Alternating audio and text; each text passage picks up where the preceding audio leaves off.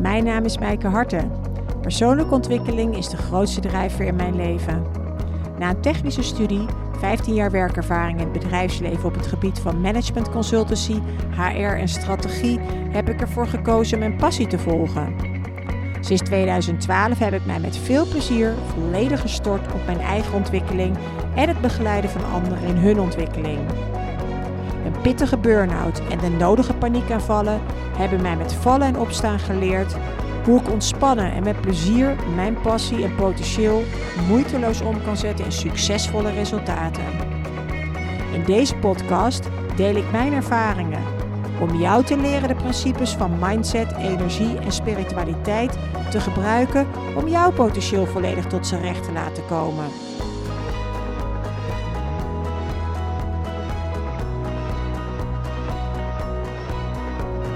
Welkom bij de Ignite Your True Potential podcast.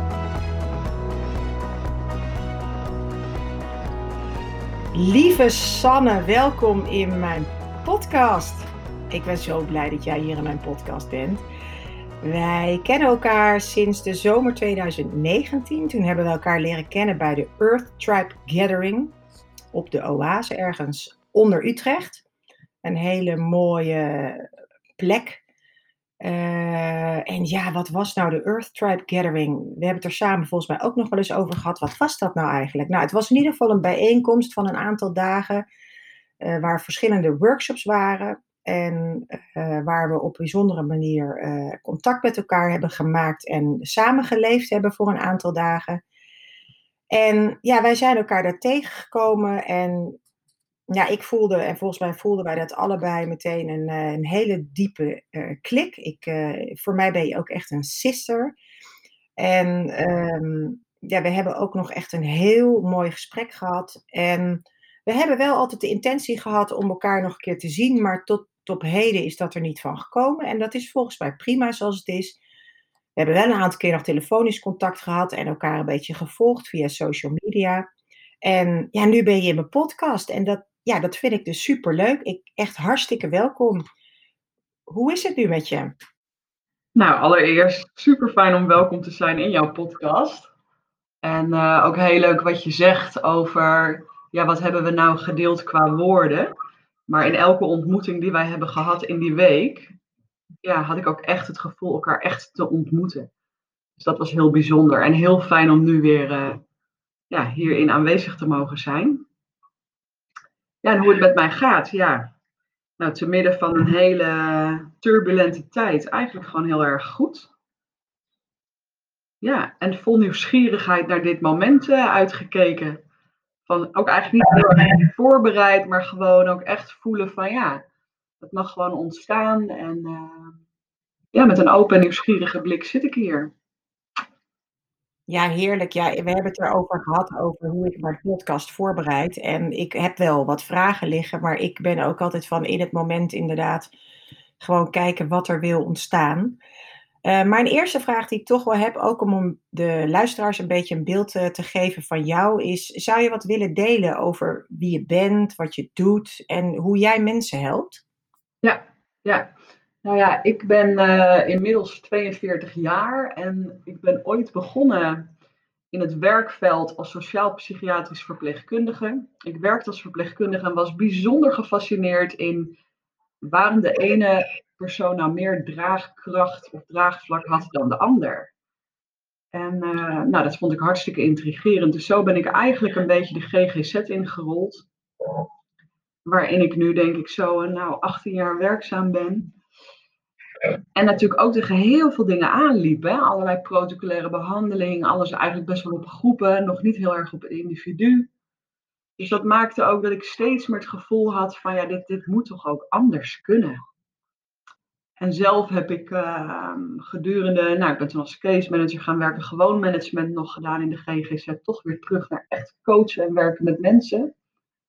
Inmiddels werk ik nu uh, voor huisartsenpraktijken als POH GGZ en daarnaast uh, voor Essence Instituut.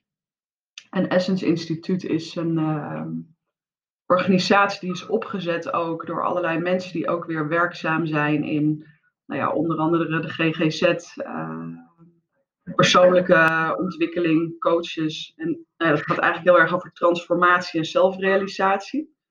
Met combinatie van psychodelica.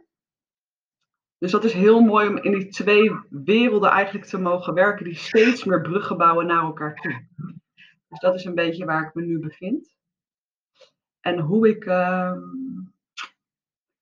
ja, ik, ik heb op mijn. Even kijken, op mijn 34ste heb ik zelf uh, kanker gekregen. In een vergevorderd stadium met uitzaaiingen. Oh jee. Ja, dus dat, dat was eigenlijk wel een heel mooi moment in mijn leven waarin alles werd opgeschud. Van hé, waar sta ik nou eigenlijk? Hè? Wat ben ik aan het doen? En, en klopt het eigenlijk allemaal nog wat ik doe? Dus het was eigenlijk echt een moment van heel diep ontwaken echt op celniveau van ja, hoe, hoe wil ik mezelf in de wereld verhouden? Hoe leef ik mijn leven? Hoe, hoe wil ik dit korte avontuur van mens zijn eigenlijk invullen? En dat maakt eigenlijk dat ik van daaruit ja, natuurlijk heel veel zelfonderzoek ben gaan doen. Uh, heel veel workshops, trainingen heb gevolgd op persoonlijke ontwikkeling. En ja, ik heb ook niet het idee dat ik mensen. Uh, ja, waarmee ik coach is eigenlijk gewoon om mensen te leren steeds meer zichzelf te zijn en te worden. Hè? Dus hoe meer authentiek ik ben, hoe meer je de ander ook weer uitnodigt om gewoon te zijn. Dus die wisselwerking die dan ontstaat, ja, dat, dat, dat voelt niet eens als werk. Dat is gewoon eigenlijk mijn manier van leven geworden. En uh, ja, dat is een beetje kort in een notendop. wat ik allemaal aan het doen ben en waar ik me in bevind. Ja, ja wat interessant ook ik herken heel erg wat je zegt, dat uh, hoe jij zelf in het leven staat, heeft heel veel impact op hoe je je klanten kan hel helpen. Ik zeg al jaren, ik ben mijn eigen instrument, dus ik heb vooral ook aan mezelf te werken als coach. Um, en ik ben wel echt wel nieuwsgierig. Ik wist helemaal niet dat je kanker had gehad. En ik wist, of tenminste, ik weet ook niet in hoeverre je het nu nog hebt, of dat je helemaal clean bent, om zo maar te zeggen.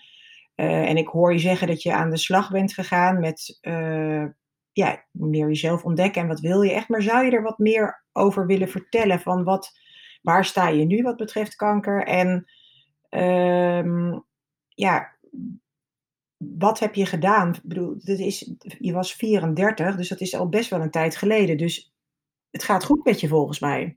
Ja, ik mag mezelf helemaal gezond en uh, ja, gezond verklaren. En um, ja, het was een hele bijzondere tijd, omdat ik toen ook nog niet alle wijsheid en kennis van nu weer had. Dus je gaat een traject in waarin eigenlijk heel snel alles voor je wordt bepaald. Waarin ook familie heel erg dingen belangrijk vindt. Mijn partner destijds, waarin ik echt dacht, ja, maar klopt dit eigenlijk voor mij? Dus ik ben een beetje de malle molen mee ingegaan en eigenlijk een beetje verloren om voor mezelf te denken. En vooral ook te voelen ik ben toen een jaar een traject ingegaan van chemo's, bestralingen, ingrepen. Nou ja, de hele rattenplan. Het was een intensief jaar. En elke keer voelde ik van ja, dit, dit voelt toch gewoon niet goed. Uiteindelijk heeft het me wel geholpen in die zin dat ik nu gezond ben. Maar op het moment dat ik gezond en dat het geslaagd werd verklaard, heb ik me zieker gevoeld als ooit tevoren in het leven. En ik had echt het gevoel van nou, ik ben opgebrand, uitgeput, mijn lijf is mijn lijf niet meer. En dat vroeg echt gewoon om heling. Terwijl ik eigenlijk een soort van geheeld was. Maar zo voelde dat voor mij dus helemaal niet. En uh, vandaar ben ik eigenlijk toen uh, ja, in contact gekomen met psychedelica voor het eerst. Heb dat ook voor het eerst zelf gebruikt.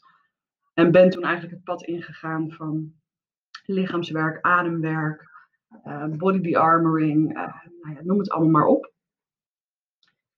En uh, ja, dat was interessant, omdat eigenlijk vanaf daar is eigenlijk echt mijn heling begonnen. En, ehm, ja, en, ook een, een, een, een, ja, een hogere staat van bewustzijn. Je wordt zo geconfronteerd met de kwetsbaarheid van het leven. En dus ook de betrekkelijkheid van het leven en de dood die daar gewoon bij hoort. En dat heeft me dus ook, en dat was voor mijn familie heel moeilijk om te horen, maar ik heb altijd gezegd, het is zo'n cadeautje geweest, waarin ik niet wens het nog een keer door te hoeven maken, maar het heeft me zo uh, nederig gestemd in het leven en ook vandaag de dag. En daarmee ook heel erg alles in, in, ja, in een bepaalde betrekkelijkheid gezet. Hè? Want de dood en het leven hoort heel erg samen. Dat verliezen we voornamelijk in het Westen, vind ik een beetje. waarin we heel erg, uh, ja, dat toch niet heel erg integreren. Als je kijkt naar andere culturen, dan wordt er heel veel meer aandacht en tijd en nou ja, soms ook wel viering opgezet. En hier is dat toch allemaal, ja, wordt het gezien als verdriet en zwaar. En dat is het natuurlijk ook. Maar ja, ik zie het echt als een overgang. Dus dat maakt ook dat ik ergens uh, in het leven sta nu. Hè, we hadden het er net nog wel even over voordat we begonnen. Ja, dat ik me op een hele goede plek bevind. Omdat het eigenlijk in mij altijd een soort van rustig is. Het is een avontuur wat ik hier ervaar in mijn mens zijn. Met alles wat daarbij komt kijken. Ja, en elke dag koester ik daarin nog steeds opnieuw. En wat een cadeau is dat om dus dan weer, uh, ja, dat noemen we zo een hele mooie term holding space. Hè? Dat je space mag holden voor mensen die dan bij jou komen in de praktijk of via Essence. Om gewoon ruimte voor hun te maken om ook helemaal te mogen voelen en te zijn. Dus ja, eigenlijk mag je gewoon doorgeven van wat je zelf hebt. En, en het is ook wel mooi omdat ik, toen ik als therapeut begon, ja, raakte ik ook een soort van opgestegen. Hè? Ik, ik ga mensen helpen, veel leren, kennis vergaren. En ja, ergens hielp ik natuurlijk, eh, zat ik toch wel in een soort van reddersrol ook.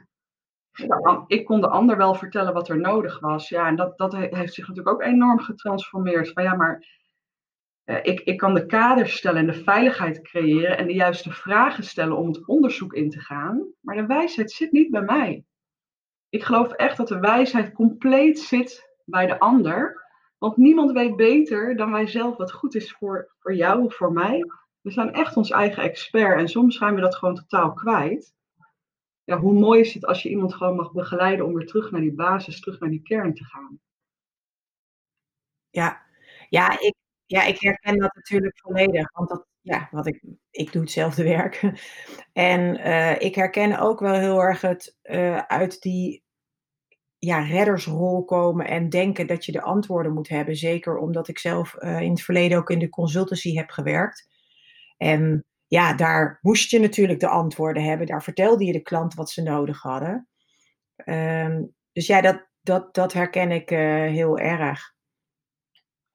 Ja, ja, en ik, ik heb zelf ook zoiets, kijk, voor de huisartsenpraktijken waar ik werk. Hè, dat is natuurlijk ook een psychologisch spreekuur en korte trajecten die je met mensen doet.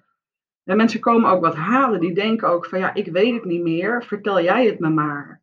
Dus daar voel ik ook soms een, een, een, een call van, oh ja, ik, ik moet het doen. Het is heel fijn om daar altijd weer in te mogen ontspannen van, goh, hè, dus ook weer eigenlijk gewoon naar achterleunen en de juiste vragen stellen. En ja, dat maakt het voor mij, uh, waar, waar ik vroeger nog wel eens opbrandde in het werk of echt heel moe kon zijn, ja, kan je dat ook steeds beter containen, omdat je hoeft het niet voor die ander te doen. Je leunt gewoon eigenlijk naar achter. En ik ben oprecht nieuwsgierig. Hè? Dus met die open houding steeds weer van, goh, wie ben je dan? Hoe werkt dat voor jou? Eh, waar zit het hem dan in? Waar voel je je? Dus je gaat echt op onderzoek samen. Het is gewoon een hele ontdekkingsreis. En vanuit die invalshoek, ja, is, is er niet steeds meer een stemmetje die vindt dat ik maar iets moet doen of moet neerzetten of dat het moet slagen of die kritische stem die we allemaal wel kennen, die, uh, van, die daar maar tettert op de achtergrond. En hoe rustiger die is, hoe meer ik ook weer aanwezig kan zijn bij die ander. Dus ja, het is, om even terug te komen op die fase dan van het ziek zijn. Ja, dat, dat, dat alles heeft me echt gebracht tot waar ik nu ben. Dus dat, ja, dat, dat had niet anders. Uh, en ik, ik geloof ook dat we, we zijn nou precies waar we hebben te zijn. Dus je hebt zo'n hele mooie zenspreuk van een, uh, leerling die dan aan zijn teacher vraagt, die zo'n verlicht pad loopt, van goh, mijn meester, hoe kom ik aan de overkant? Waarop die meester zegt, ja, je bent al aan de overkant. Ja, dat denk ik, ja, dat is precies hoe het is. Weet je, we hebben het te doen daar waar we nu zijn. Dat, dat is precies kloppend, anders was je daar niet. Dan was je wel ergens anders. Ja, en natuurlijk, hè, ik, ik, ik verlies me soms ook nog wel eens in de chaos van de wereld en alle turbulentie eromheen of allerlei invloeden van buitenaf, dat je heel even uit je basis wordt geschud. Maar ja, dan heb je al deze wijsheid ook weer in je die je daar weer terugbrengt. En dat is eigenlijk ook waar de gesprekken over gaan met mij en mijn klanten en cliënten of de vrouwencirkels die ik soms uh, faciliteer. Waarin je echt als vrouwen samenkomt om echt in dat bekken te zakken met die basiscontact te maken. Ja, dat is super mooi. En, en ook met die vrouwencirkels was altijd heel interessant. Dat ik dacht, oh, toen ik net begon, van ja, ik wat gaat het programma worden? Wat ga ik doen? Uh, het moet wel, hè, iedereen moet een soort van vervuld naar huis gaan. Ja, dat is natuurlijk ook helemaal niet hoe het werkt. Het is een gezamenlijk veld. We openen het samen. We brengen onszelf volledig in. En daar nodig je de ander weer in uit. En dan ontstaat het eigenlijk allemaal weer vanzelf. Dus het is een hele moeiteloze manier van werken. Ja, het is pure rijkdom. Ja, ik vind het prachtig hoe je het vertelt. En ik hoor ook dat je het zo geïntegreerd hebt in jezelf. En ja, ik, ik vind het toch heel boeiend, want het is toch echt niet hoe we het leren in deze wereld. Alleen al als ik naar mijn kinderen kijk op school, hoe zij geleerd worden om dingen voor elkaar te krijgen en dingen te moeten presteren. En, en ik ben ook zo nieuwsgierig, hè? want wat jij zegt, uh, er komt dan een cliënt bij jou en die, ik zie dat zo voor me, die komt echt bij je zo van, dag mevrouw Sanne, ik wil dat jij mij helpt nu. Hoe, hoe gaat dat dan in zo'n gesprek als jij niet het antwoord geeft? Wat doet dat met mensen? Ja, wat ik zelf doe is natuurlijk altijd eerst meteen starten met bakken vol erkenning van waar zit iemand. Ja, dus echt aansluiten ook. En heel erg invoelen uh, hoe dat voor de ander moet zijn. En ook het pad zien hè, waar iemand vandaan komt. Zonder oordeel. Ja, en wat, wat bij mij vaak gebeurt is als er binnenkomen, is eigenlijk iedereen wil ergens van af. Hè, we zijn allemaal op zoek naar geluk en niet naar lijden. Dus iedereen wil maar van het lijden af. Dus ik start eigenlijk altijd met verwachtingsmanagement. Van ja, maar waar wil je dan van af? Nou, dat zijn vaak allerlei negatieve overtuigingen. Uh, nou ja, uh, vastgeroeste patronen. Al dat dysfunctionele denken wat eigenlijk helemaal nergens bij helpt. Ja, kan je daar helemaal van afkomen? Ja, en hier, hier, valt, hier valt wat over te zeggen. Hè? Want ik bedoel, dit is mijn waarheid. En ik weet ook dat er therapeuten zijn en coaches die daar anders over denken. Maar ik zelf uh, werk echt dat ik niet geloof dat we ergens van afkomen. Het gaat er echt over, kan je ermee zijn? En hoe leer je dat allemaal herkennen in een vroeger stadium? En net wat jij zegt, we hebben niet geleerd op school om te voelen. dus we, zijn helemaal eigenlijk het contact met ons lijf ook echt een beetje verloren. Ik bedoel, eh, meditatie, yoga, dat wordt nergens in meegenomen. Dus we gaan, we staan aan en we doen maar en we doen maar en we doen maar. Dus we zijn super geconditioneerd. Ja, en hoe kom je dan van dingen af? Dat is dan de vraag. Hoe kom ik hier vanaf? Hoe kom ik daar vanaf? Ja, nee, hoe maak je weer contact met je lijf. Dan kan je voelen wat het doet. Kan je daarmee zijn. En, hè, dus dan kan je dingen gaan transformeren. Dat is hetzelfde met allerlei negatieve gedachtenpatronen. Ja, maar gedachten hebben we de hele dag. Die ploppen de hele dag op. Ik bedoel, ik wil soms bepaalde gedachten ook niet hebben, maar ze komen gewoon soms vanzelf weer voorbij. Ja, dus ik, ik geloof echt dat je werkt aan uh, het verhogen van iemands ja, opmerkzaamheid. dus dat je echt gewaarzijn kan hebben over van hé, hey, waar zitten mijn geraaktheden? Wat zijn mijn patronen? Wat zijn mijn conditioneringen? En als die zich weer voordoen, hoe kan ik anders kiezen? Hoe kan ik vroegtijdiger daar ja, uitstappen of, of iets anders tegenover zetten? In plaats van hoe komen we ervan af? Want als jij patronen hebt die al echt een leven lang al zijn doorgegeven vanuit het gezin van herkomst, of misschien nog zelfs wel van daarvoor, die haal je er niet zomaar uit. Het zijn net een soort huurders die in jou wonen. En als je denkt van ik ben er vanaf, na jaren kom je in een situatie en ineens dient het zich weer aan en kloppen ze weer van joe, daar ben ik weer met diezelfde overtuiging of dat stemmetje. Ja, en dan denken we, potverdikkem, heb ik na mijn hele leven zo hard gewerkt om daar vanaf te komen en ik zit er nog in. Terwijl nee, dat is gewoon, hè, dat patroon dat is er, je herkent hem. Vooral, ja, kan je er met mildheid en compassie mee zijn. Ik bedoel, als ik naar mezelf kijk, ik kom uit een gezin waarin mijn vader de oorlog heeft meegemaakt. Heel veel heeft gekampt met depressies en angsten. Dus zijn opvoeding was heel beschermend naar mij en mijn zusje. Hij wilde ons heel erg beschermen voor de boze buitenwereld. Die wij als kind natuurlijk helemaal nog niet waarnamen. Want wij, zo'n boze buitenwereld. Dus bij alles wat ik deed was het, nou Sanne, doe maar niet. Kijk maar uit. Een nieuw baantje, nou weet je dat wel zeker. Dus ik miste als kind enorm de aanmoediging in alles. Dus ik werd ontzettend onzeker en angstig in mijn structuur. Terwijl vandaag de dag, en dan hebben we het echt over, nou, ik ben nu 42. Als ik nieuwe dingen doe, heb ik nog steeds. Oh ja, dat kan ik niet. Dat is de eerste gedachte die gewoon nog steeds actief is. Of laat ik het maar niet doen. Ik heb nog nooit, ja, spannend. Dus dat geeft niet. Die gedachte mag daar gewoon zijn. Die heb ik er niet uit kunnen werken. Dat is echt een hele, hele diepe overtuiging die gewoon in mij huist en steeds weer opplopt.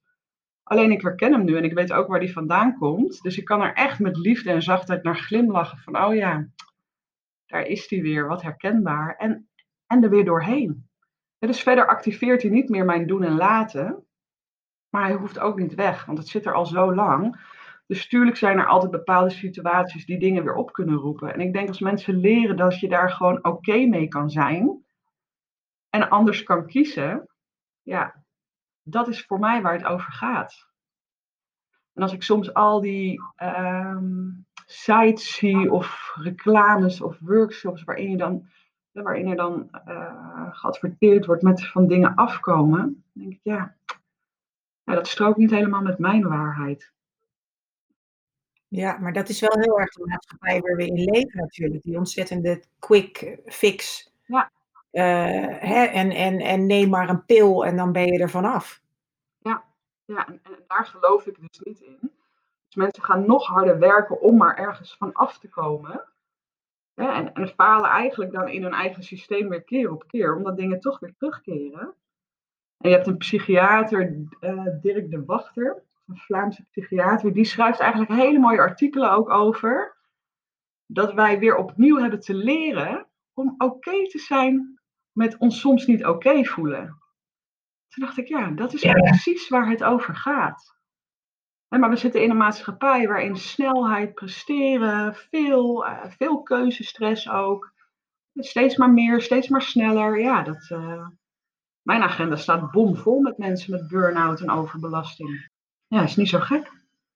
En, en weet je, ik geloof, ik geloof ook echt wel dat je met heel veel uh, innerlijk kindwerk, met heel veel coaching, systeemtherapie, uh, nou, noem het maar op, lichaamswerk, ademwerk, nou, je hebt zoveel manieren dat je echt heel erg je basis kan herstellen. En dat je ook echt wel een heleboel kan oplossen maar in de basis blijft natuurlijk een kwetsuur zitten die voor iedereen anders is. Ja, die kan je niet wegpoetsen. Ik denk dat je daar gewoon echt in hebt te leren om die te kunnen gaan voelen, waar te nemen en daar gewoon op een hele uh, liefdevolle manier, met veel compassie voor hebt te zorgen.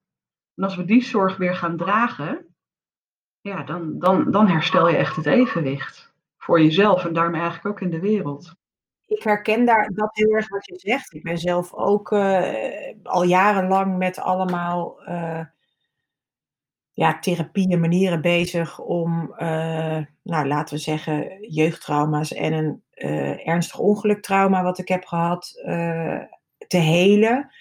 En tegelijkertijd herken ik ook wat jij zegt, dat bepaalde dingen zo diep in je zitten dat die elke keer weer terugkomen en dat je daar elke keer ja, wel weer eventjes ehm, bewust van moet zijn van, oh ja, daar heb je dat stemmetje en uh, het is oké, je mag er zijn en toch doe ik wat anders. Maar mijn vraag daarin is wel van als je op een gegeven moment meerdere keren dat stemmetje hebt gehoord en erkend hebt en uh, je toch anders doet, wordt het dan ook op den duur makkelijker om die stap te zetten? Of herken je toch dat het elke keer weer dezelfde aandacht vraagt? Of ja, zit daar ook niet mogelijkheid tot toch een stukje heling of dat het makkelijker wordt? Nou ja, ik denk wel dat hoe meer je jezelf traint, coacht of training en coachingen hebt gehad, hoe hoger je bewustzijn natuurlijk is. En hoe meer gewaarzijn je hebt, ja, hoe sneller je dingen herkent. Dus ik, ik, als ik voor mezelf spreek, denk ik wel dat het makkelijker wordt.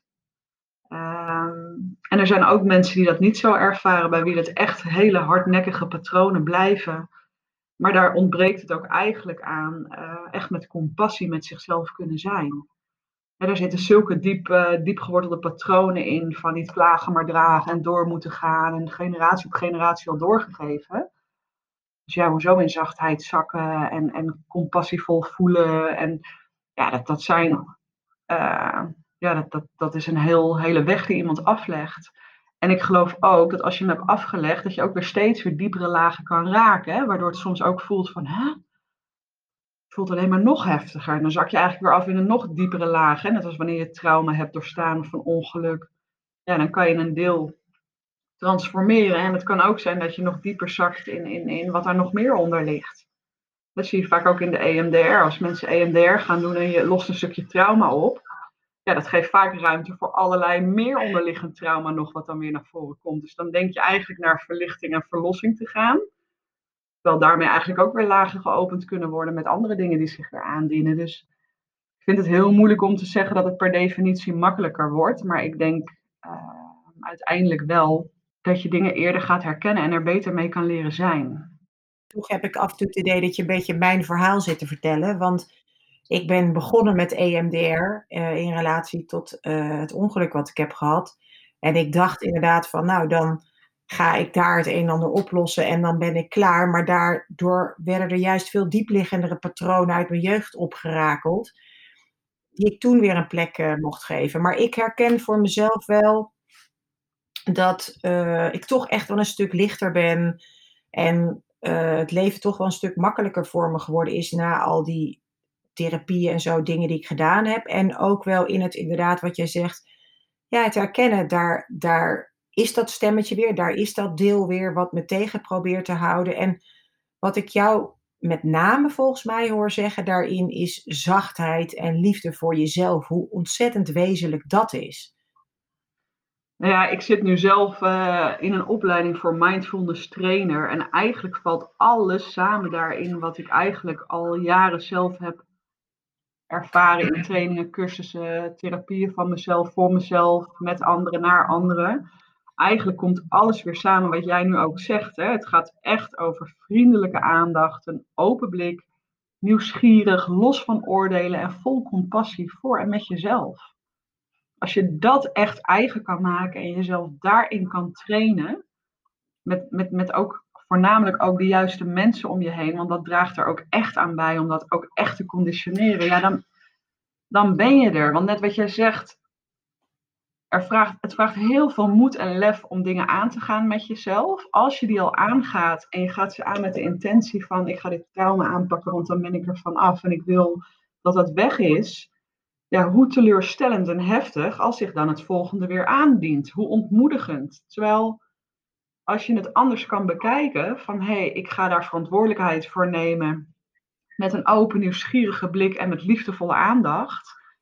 Van wat zit daar nog meer? En hé, hey, wat wil me dat zeggen? En waar komt dat vandaan? En wat kan ik daarmee doen? En weet je, dan ga je op ontdekkingsreis met jezelf door het leven. En dat is natuurlijk een, een ja, never ending story, eerlijk gezegd. Denk ik hoor, maar dat is mijn waarheid. Alleen die wordt wel steeds milder. Het wordt op een gegeven moment geen strijd, maar een soort dans die je gaat maken. Voor mezelf vond ik de metafoor altijd heel mooi. Van ja, het is een trap die je opgaat. Soms vier treden op, zes treden weer af. Om er vervolgens weer acht op te kunnen gaan. En toen ik dacht van ja, maar het voelt zo vervelend als je weer vier treden naar beneden gaat. En toen zei een hele bijzondere teacher ooit tegen mij van ja, maar stel je nou toch voor dat je bovenop die ladder staat en daar sta je dan. En je hebt het gehaald. En dat was het. Dus dan sta je altijd op hetzelfde uitzicht. En je waardeert ook niet meer de hoogte en de dieptes. Want op een gegeven moment bent de hoogte ook wel weer. Terwijl afdalen maakt weer dat je anders kan gaan kijken, anders kan gaan ervaren, ook weer kan waarderen. Hè, van, oh, ik ken de diepte, dus ik ken ook de hoogte. Ik ken het licht, dus ik ken ook het donker. Ja, en, en dat is gewoon waar het leven over gaat. Het is niet allemaal alleen maar licht en fijn en prettig. Het gaat juist ook over, er is ook schaduw. En kan je daarmee zijn? Kan je daar je licht op laten schijnen? Met die liefdevolle aandacht weer. Kun je gewoon zijn bij wat er is. Ja.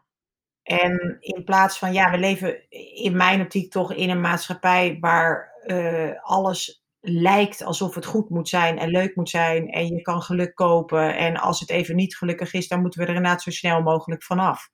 Ja, ja.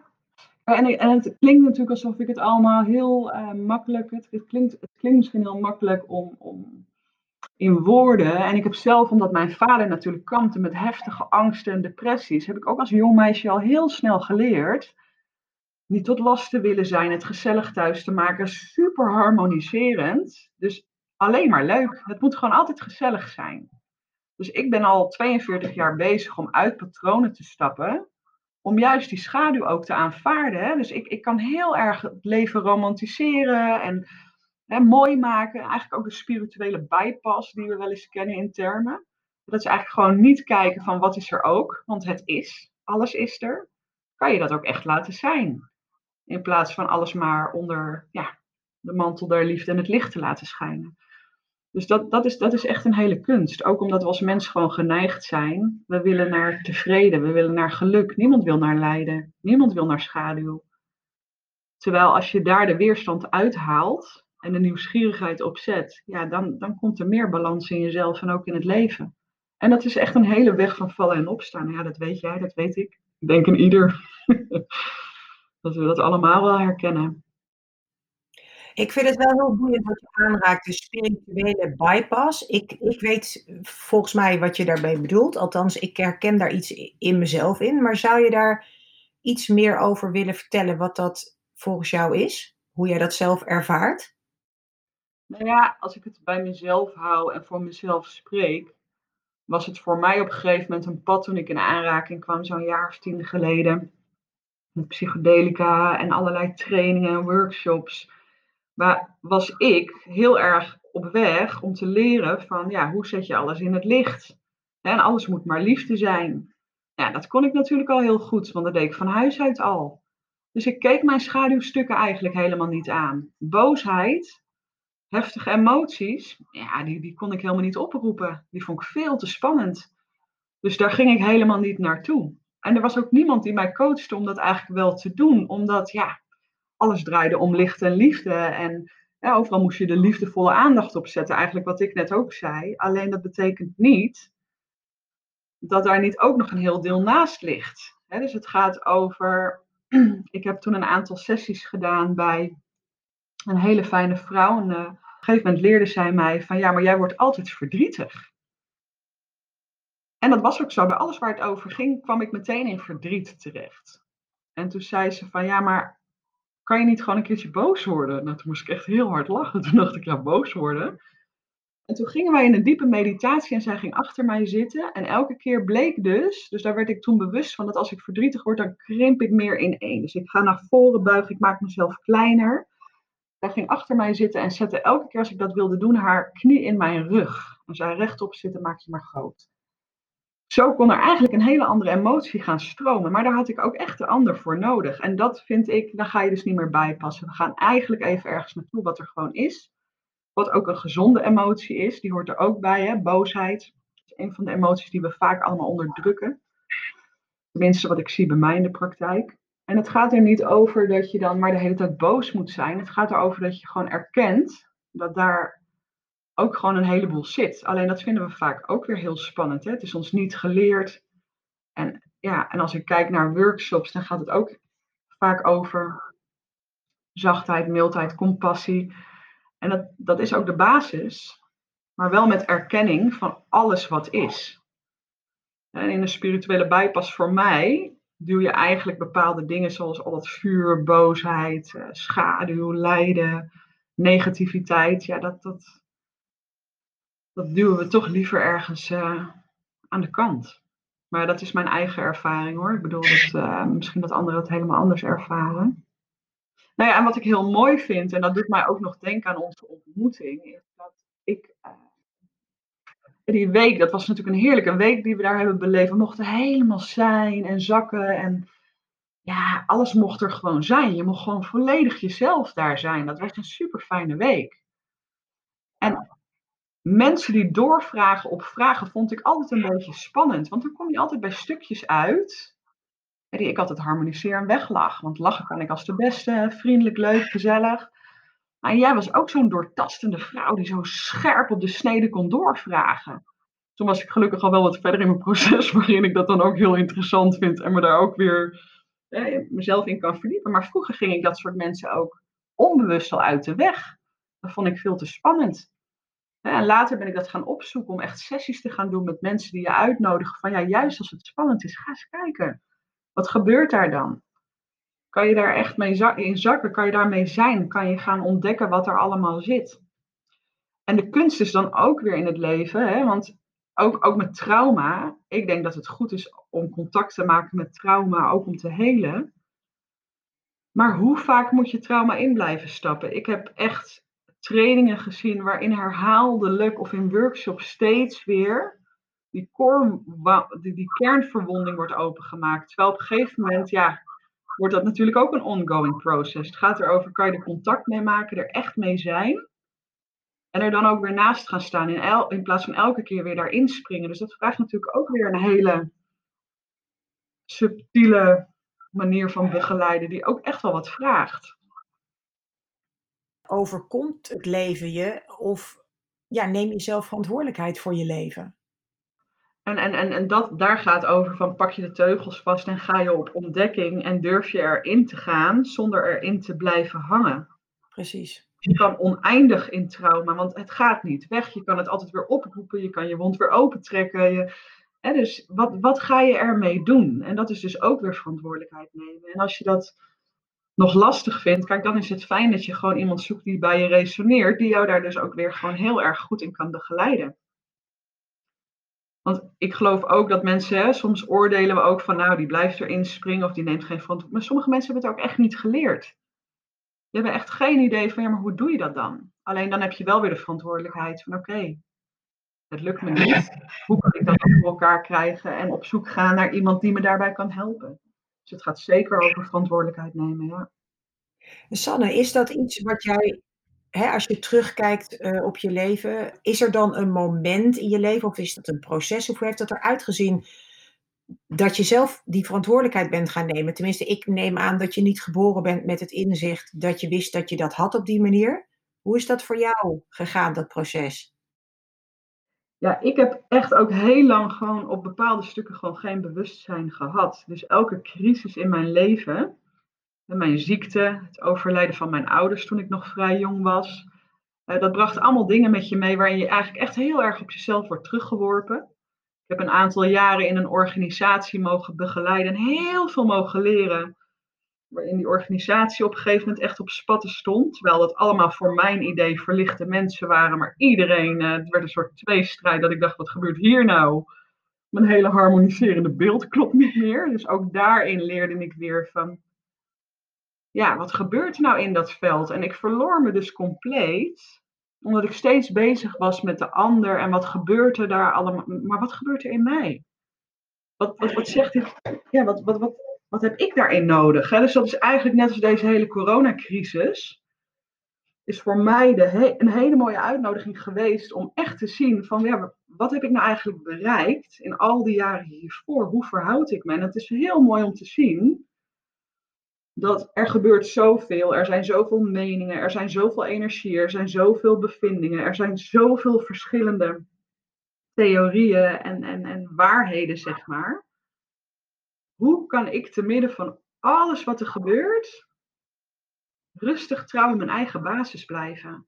Ja, dat had ik nooit geleerd. Ik was altijd, ik vloog er altijd uit. En als iemand er naar me toe kwam en gebeurde daar van alles. En dacht ik, wauw, ja, heftig. En als de ander dan wat tegengesteld zou, dacht ik echt, oh ja, ja dat begrijp ik ook. Dus ik vloog een beetje met alle winden mee. Dus dat heeft mij echt wel geleerd om, uh, je kan niet harmoniseren als dingen echt op knappen staan en er komt gewoon overal discussie en strijd. Op een gegeven moment ben ik niet meer vermogend om het allemaal te plakken zoals ik dat als kind deed. En dan kom ik in mijn eigen crisis terecht. Maar ja, dan, dan, en dan, dan komt er echt een soort, uh, ja, nu niet meer gelukkig, maar dan, ja, dat is echt terror voor mijn hele zenuwstelsel. Dat gaat echt in een soort vriesstand van, oh jee, ja, bijna een soort doodsangst. Van er zijn die conflicten, er is strijd, er is ruzie, wat help. Ja, en waarom? Omdat, je gewoon niet omdat ik niet in mijn eigen basis kon blijven. En nu denk ik, net als in de hele wereld, er is van alles aan de hand. Ik heb de wijsheid niet in pacht. Ik heb er ook geen oordeel over, maar ik voel wel voor mezelf. Wat kan ik erin doen en mijn verantwoordelijkheid weer nemen? Om dicht bij mezelf te blijven. En soms is dat heel basic hoor, door gewoon geen nieuws te kijken, me af te zonderen. En nou ja, tijd alleen, mediteren in de natuur, noem het maar op.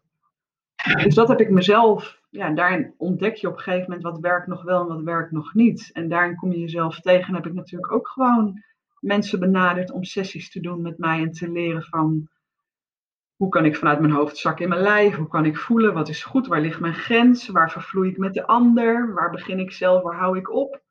Ja, dat heb ik ook echt moeten leren.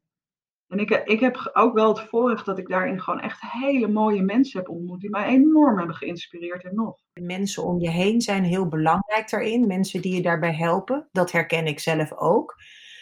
En ik vind dat ook interessant. In ieder geval, ik weet niet hoe jij dit ervaren hebt, maar hoe ik het voor mezelf zie, is dat op het moment dat ik ja, hiermee aan de slag wilde. En ik eerst nog dacht van, ja, maar wie helpt me dan? Hoe uh, kan ik me dan daarin uh, veilig voelen en geholpen voelen? Dat op een of andere manier die mensen ook elke keer op mijn pad kwamen. Ja, en, en daarin is natuurlijk ook het diepe vertrouwen dat het, het leven draagt en faciliteert en stuurt ons ook. Hè? Er, is een, er, is, ja, er is een soort kracht aanwezig die ons steeds weer brengt daar waar we hebben te zijn. Dat we in aanraking komen met de mensen en niks is zomaar, daar geloof ik zelf ook heel erg in. Maar ook daarin is wel weer steeds de uitnodiging om je eigen gezonde verstand ook te gebruiken.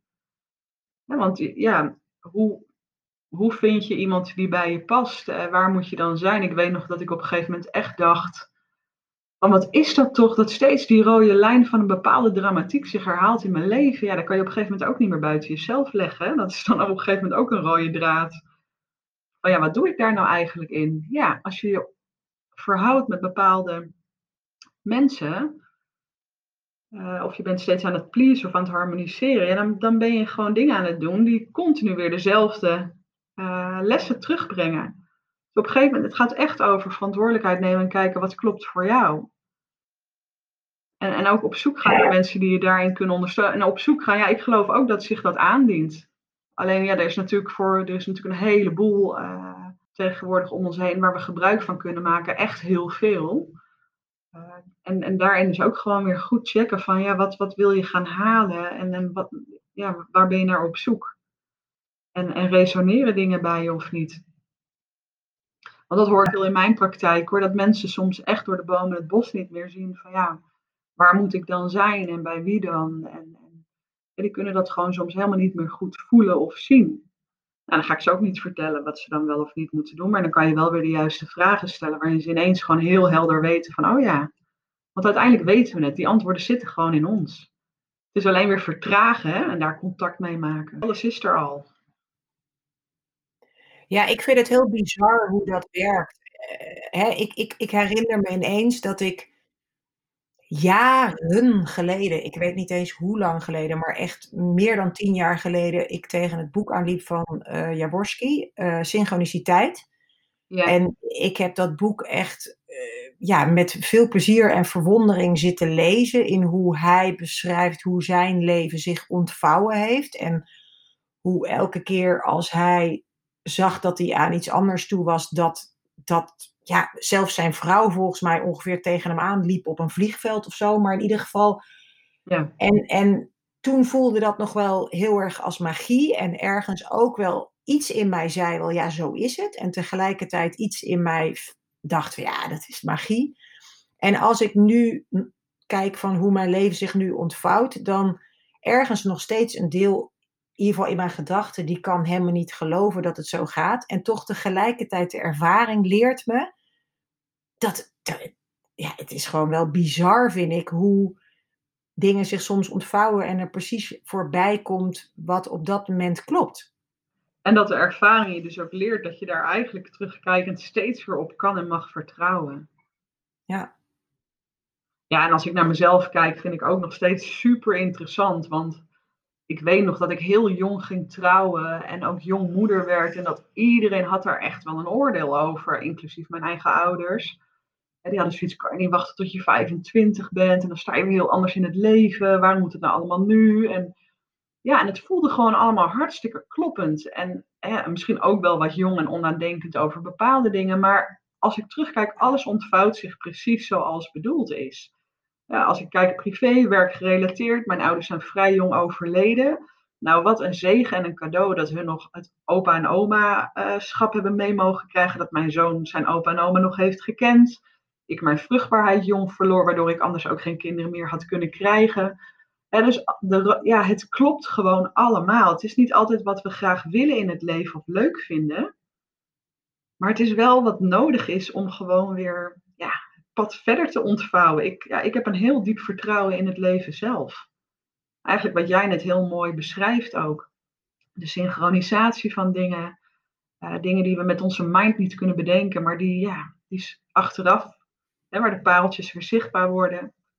En denk, ja, als je daarop kan vertrouwen, dan komt er ook een soort van rust in. Ook in tijden als het gewoon moeilijk is of lastiger. Of we even overspoeld worden van veel. Dan is er toch altijd weer dat hele diepe vertrouwen. Ja. Ja, dat herken ik zelf ook. En ik heb voor mezelf ook. Soms dan heb ik dat stemmetje in mijn hoofd wat, uh, wat het allemaal maar flauwekul vindt. En dan denk ik tegelijkertijd, weet je, of het waar is of niet, het doet er eigenlijk niet toe. Ik voel me hier heel lekker bij, dus ik ga er maar weer in vertrouwen. En dat is net als met werk ook. Hè? Dan, je begint ergens en je krijgt een kans. Iemand ziet iets in je, biedt je weer een opleiding aan. En nou, wil ik dat, wil ik dat niet, je stapt daarin. Ik weet nog dat ik bij een grote organisatie stopte met het begeleiden van allerlei ceremonies. Dat ik echt dacht van, oh wat jammer dat ik dat dan niet meer zou kunnen doen. Maar het voelde ook als kloppend om echt uit te stappen. Ja, en dan word je twee maanden later weer benaderd door Essence Instituut, waar ik dan nu nog uh, actief ben. En met heel veel liefde werk. En weet je, dus dingen komen gewoon ook weer op je pad. En, en ja, ik heb het voorrecht dat het een soort van moeiteloosheid heeft. Hè? Dat soms dan denk ik, oh ja, wat ga ik dan nu doen? En hoe ziet dat er dan uit? En dan dient zich weer iets aan. En voor mij werkt ook dat hoe meer rust ik in mijn leven heb en hoe meer vertraging, iets wat ik niet altijd had, want ik stond altijd aan, altijd bezig, altijd druk. Ja, het liefst twintig workshops tegelijk volgen overal. En ja, dan voel je natuurlijk ook niet echt. Ik bedoel, dan ben je ook continu maar in de weer. Terwijl hoe meer rust en vertraging ik inbouw, hoe meer je ook kan waarnemen en voelen wat er op je afkomt en wat kloppend is en wat niet. Dus ja, ik geloof echt dat in de vertraging van het leven ook uh, heel veel antwoorden liggen. En, en Sanne, hoe, hoe ben jij tot die rust gekomen? Of hoe zorg jij dagelijks nog dat je in die rust komt? Nou, dat is hard werken. dat is verantwoordelijkheid nemen. Ja, dat is voor mij nog steeds niet een iets van, uh, van nature vanzelfsprekend iets. Al is het wel al stukken beter. Maar ik, ik, ik probeer wel echt, uh, of nou, ik probeer, ik, ik, ik zet echt mindfulness in om de dag te starten met een meditatie. Uh, ik wil eigenlijk altijd elke dag starten met yoga, wat er dan ook niet altijd van komt. Maar als ik dan merk dat ik weer meer gejaagd word en gehaast of me bepaalde dingen niet lekker voel, dan weet ik echt van oké, terug naar de basis. Ja, dan is het gewoon weer bepaalde structuren erin zetten. Kijk, en op een gegeven moment dan zit dat erin en dan leef je er ook wel naar. Maar soms word je er ook wel weer uitgeknikkerd. Ik denk dat we dat ook allemaal wel kennen. Hè? Dat je dan uh, ja, weer even overspoeld wordt van andere dingen, waardoor je toch weer uit je ritme valt. Maar dan weet ik ook heel goed van wat ik weer terug moet pakken. Maar dat gaat ook weer over verantwoordelijkheid nemen en doen. Het, is niet, het, het gaat in mijn leven in ieder geval niet vanzelf. Ik moet daar echt wel wat voor doen. Ja, en voor mij werkt daarin gewoon de natuur opzoeken, yoga, meditatie, uh, werkt daarin gewoon heel goed. Ja, ik kijk geen nieuws en allemaal van dat soort berichten. Ik voed me echt met boeken die ik interessant vind. Ik omring me met mensen die me inspireren. Ja, dus dat, dat draagt er voor mij heel erg bij aan een uh, leven van vertraging en verstilling en meer rust en meer balans. Met pieken en dalen en vallen en opstaan. Ja. En nu natuurlijk ook in deze crisistijd van de corona, waarin je dus niet meer maandelijks je retretes hebt. Ja, dat, dat, dat is vaak ook een moment van echt zakken en verstillen. En in die groepsdynamiek, ja, dat vind ik zo voedend ook. Ja, dat mis je ook. Dus daar, daar heb ik dan ook zelf weer wat anders tegenover te zetten door en met mezelf aan de slag te gaan om, om uh, ja, die voeding voor mijn ziel uh, tot me te nemen. Ja als je vertelt over hoe je leven nu gaat en dat je het eigenlijk heel moeiteloos ervaart, hoor ik je tegelijkertijd zeggen, eh, het, het, het, is ook niet zo romantisch als het dan klinkt. Zo van, en dat gaat ook allemaal vanzelf. Bedoel, daar heb je dus zelf ook wel echt wat voor te doen.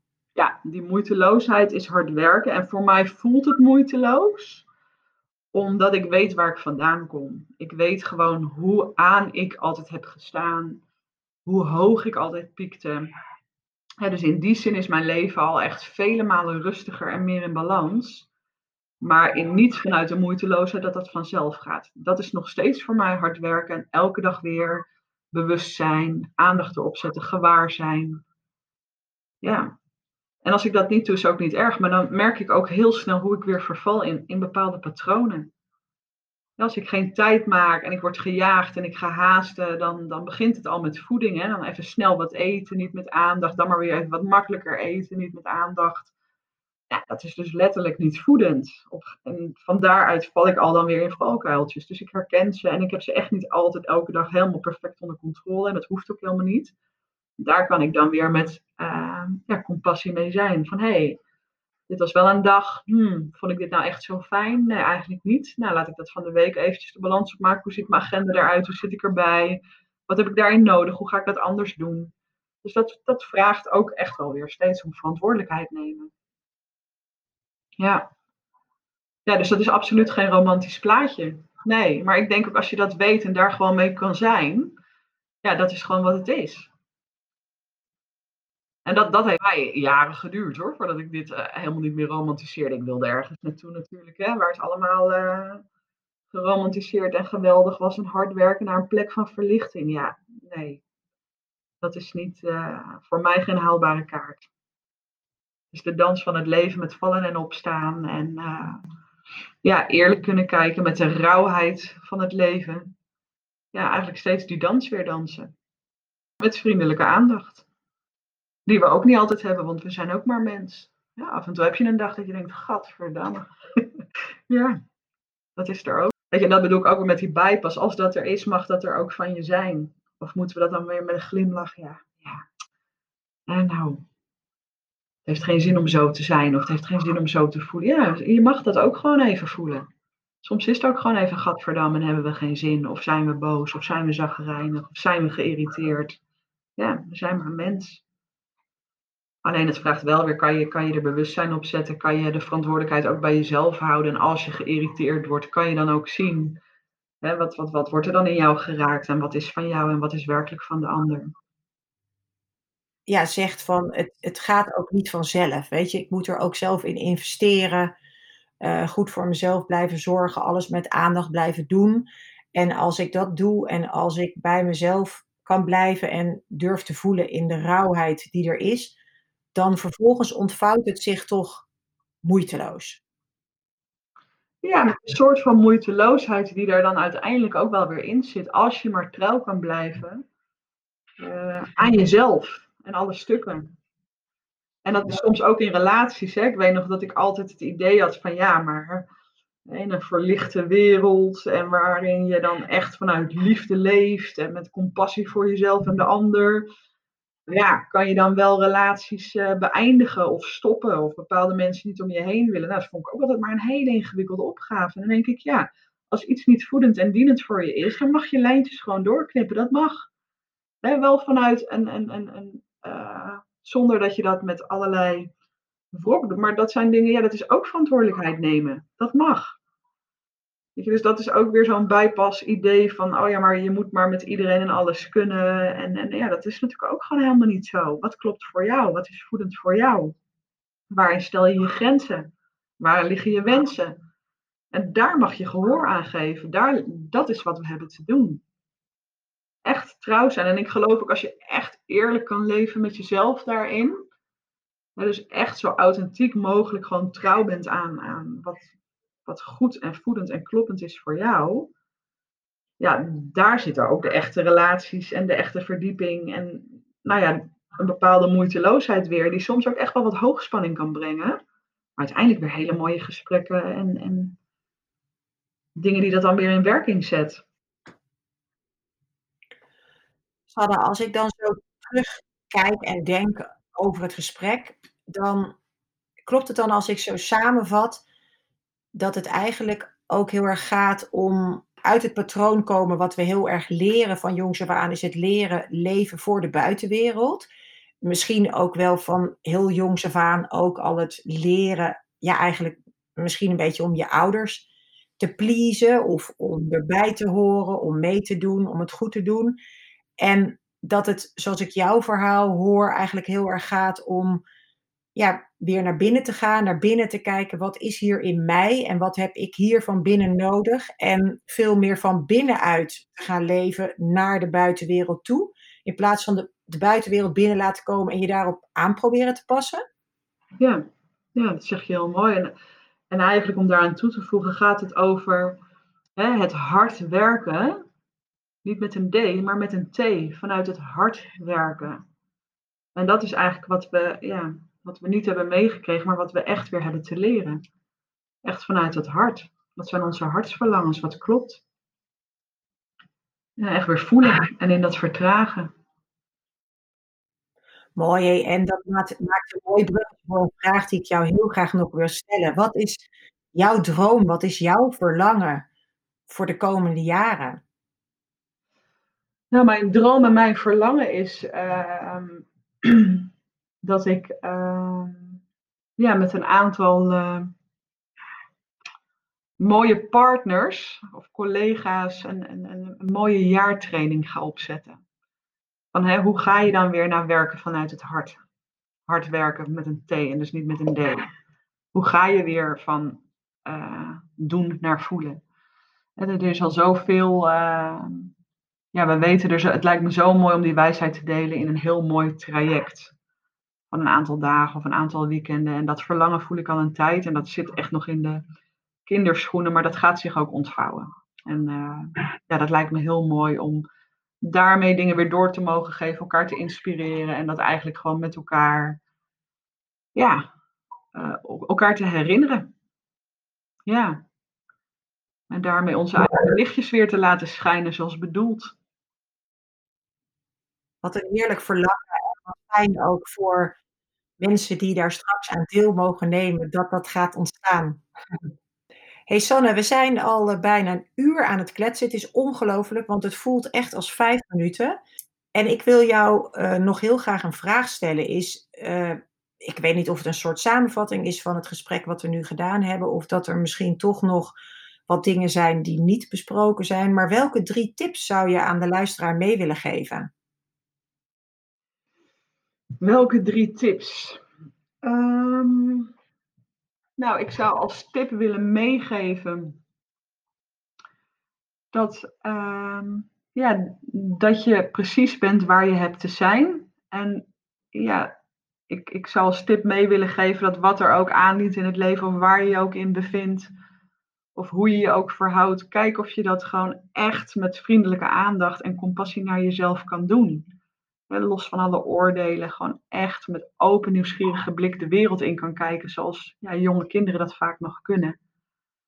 Dat, dat, maakt, dat maakt alles, alle stappen die je wil nemen, alle verantwoordelijkheid die je wilt dragen om dingen aan te gaan, gewoon een stuk makkelijker vanuit nieuwsgierigheid en openheid. Dus dat is een, een tip. Um, ja, wat zou ik verder nog willen meegeven? Ja, we zijn, we zijn hier gewoon om een ervaring als mens te ervaren in dit leven. En dat betekent niet dat, ja, dat we zijn mens. En dat is geen perfecte ervaring. Dat is alles wat daarbij komt kijken. En uh, ja, we hoeven dus niet te streven naar perfectie.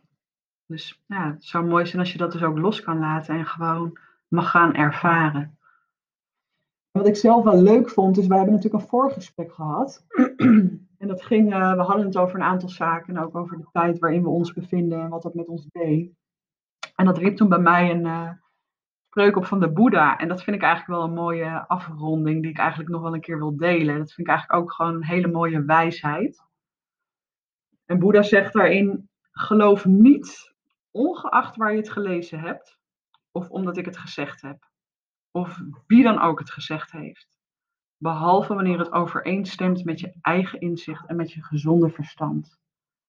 Dus ook dat is weer een uitnodiging om onderzoekend te blijven en niet alles voor vol aan te nemen in de buitenwereld, maar echt weer naar binnen te keren. Wat, wat klopt voor jou? Hoe is dat voor jou? Ga op onderzoek en neem niet alles klakkeloos aan. Ja, dankjewel Sanne. Wat een ontzettend mooie afsluiting. En ik denk in deze tijd wordt die alleen maar meer en meer belangrijk om zo uh, het leven te leven. ik denk uh, dat er wel wat mensen zijn die uh, verder interesse hebben waar ze jou kunnen vinden in jouw werk of in de toekomst het programma wat je gaat opzetten. Volgens mij doe je op dit moment ook al sessies waar particulieren zich voor aan kunnen melden, waar we het overigens niet echt over gehad hebben. Misschien kun je daar nog wat over zeggen en kun je, mens, kun je vertellen hoe mensen je kunnen vinden in de online wereld. Ik sta altijd open voor uh, particuliere sessies, dus daar kunnen ze me gewoon op vinden, of via mijn mobiel of via mijn e-mail. Um, via Essence Instituut ben ik te vinden. En um, ja, als ze aangesloten zijn bij de huisarts waar ik voor werk, maar dat zal niet het geval zijn. Ja, en verder sta ik niet op een website op, uh, uh, op het internet. Dan alleen maar vermeld als je mijn naam googelt via Essence Instituut. Dus als je daar dingen nodig hebt of wil onderzoeken wat jou kan helpen in het leven, dan sta ik er altijd voor open om uh, de mail daarin te beantwoorden of uh, de app of nou ja, een telefoontje. Om te kijken ja. wie of wat uh, voor jou kan resoneren en passen. Nou, ik denk dat dat een heel prettig aanbod is voor de mensen die luisteren als het ze aanspreekt. Dus ik zal het zeker opnemen in de keynotes. En ja, voor nu wil ik zeggen, ongelooflijk fantastisch mooi gesprek vond ik het. Met ontzettend veel wijsheid. Ik ben ontzettend blij dat je dit verhaal hebt willen delen. En voor mij voelde het nogmaals als vijf minuten. Geen idee hoe de luisteraar het ervaart. Maar voor mij zegt het wel dat, het, uh, ja, dat ik er in ieder geval heel erg van genoten heb. En uh, dus ja, daar wil ik je ontzettend voor bedanken. Ja, jij ook. Heel ja, wederzijds. Het voelde voor mij ook heel kort. En ja, inspirerend en fijn om zo te delen met elkaar en naar anderen. En uh, ja, dank je wel voor de uitnodiging. Super leuk dat je luisterde naar deze aflevering van de Ignite Your True Potential podcast. Als je het leuk vond wat je hoorde en je de volgende aflevering niet wil missen, abonneer je dan nu en laat een review achter zodat meer mensen deze podcast kunnen vinden. Als je denkt dat deze aflevering ook waardevol is voor anderen, wil ik je vragen een screenshot te maken van deze aflevering en deze op social media te delen. En vergeet mij niet te taggen, zodat meer mensen de podcast kunnen vinden. Voor extra inspiratie kun je me ook vinden op Instagram onder Mijke Harten. Alvast super bedankt voor het delen en graag tot een volgende aflevering.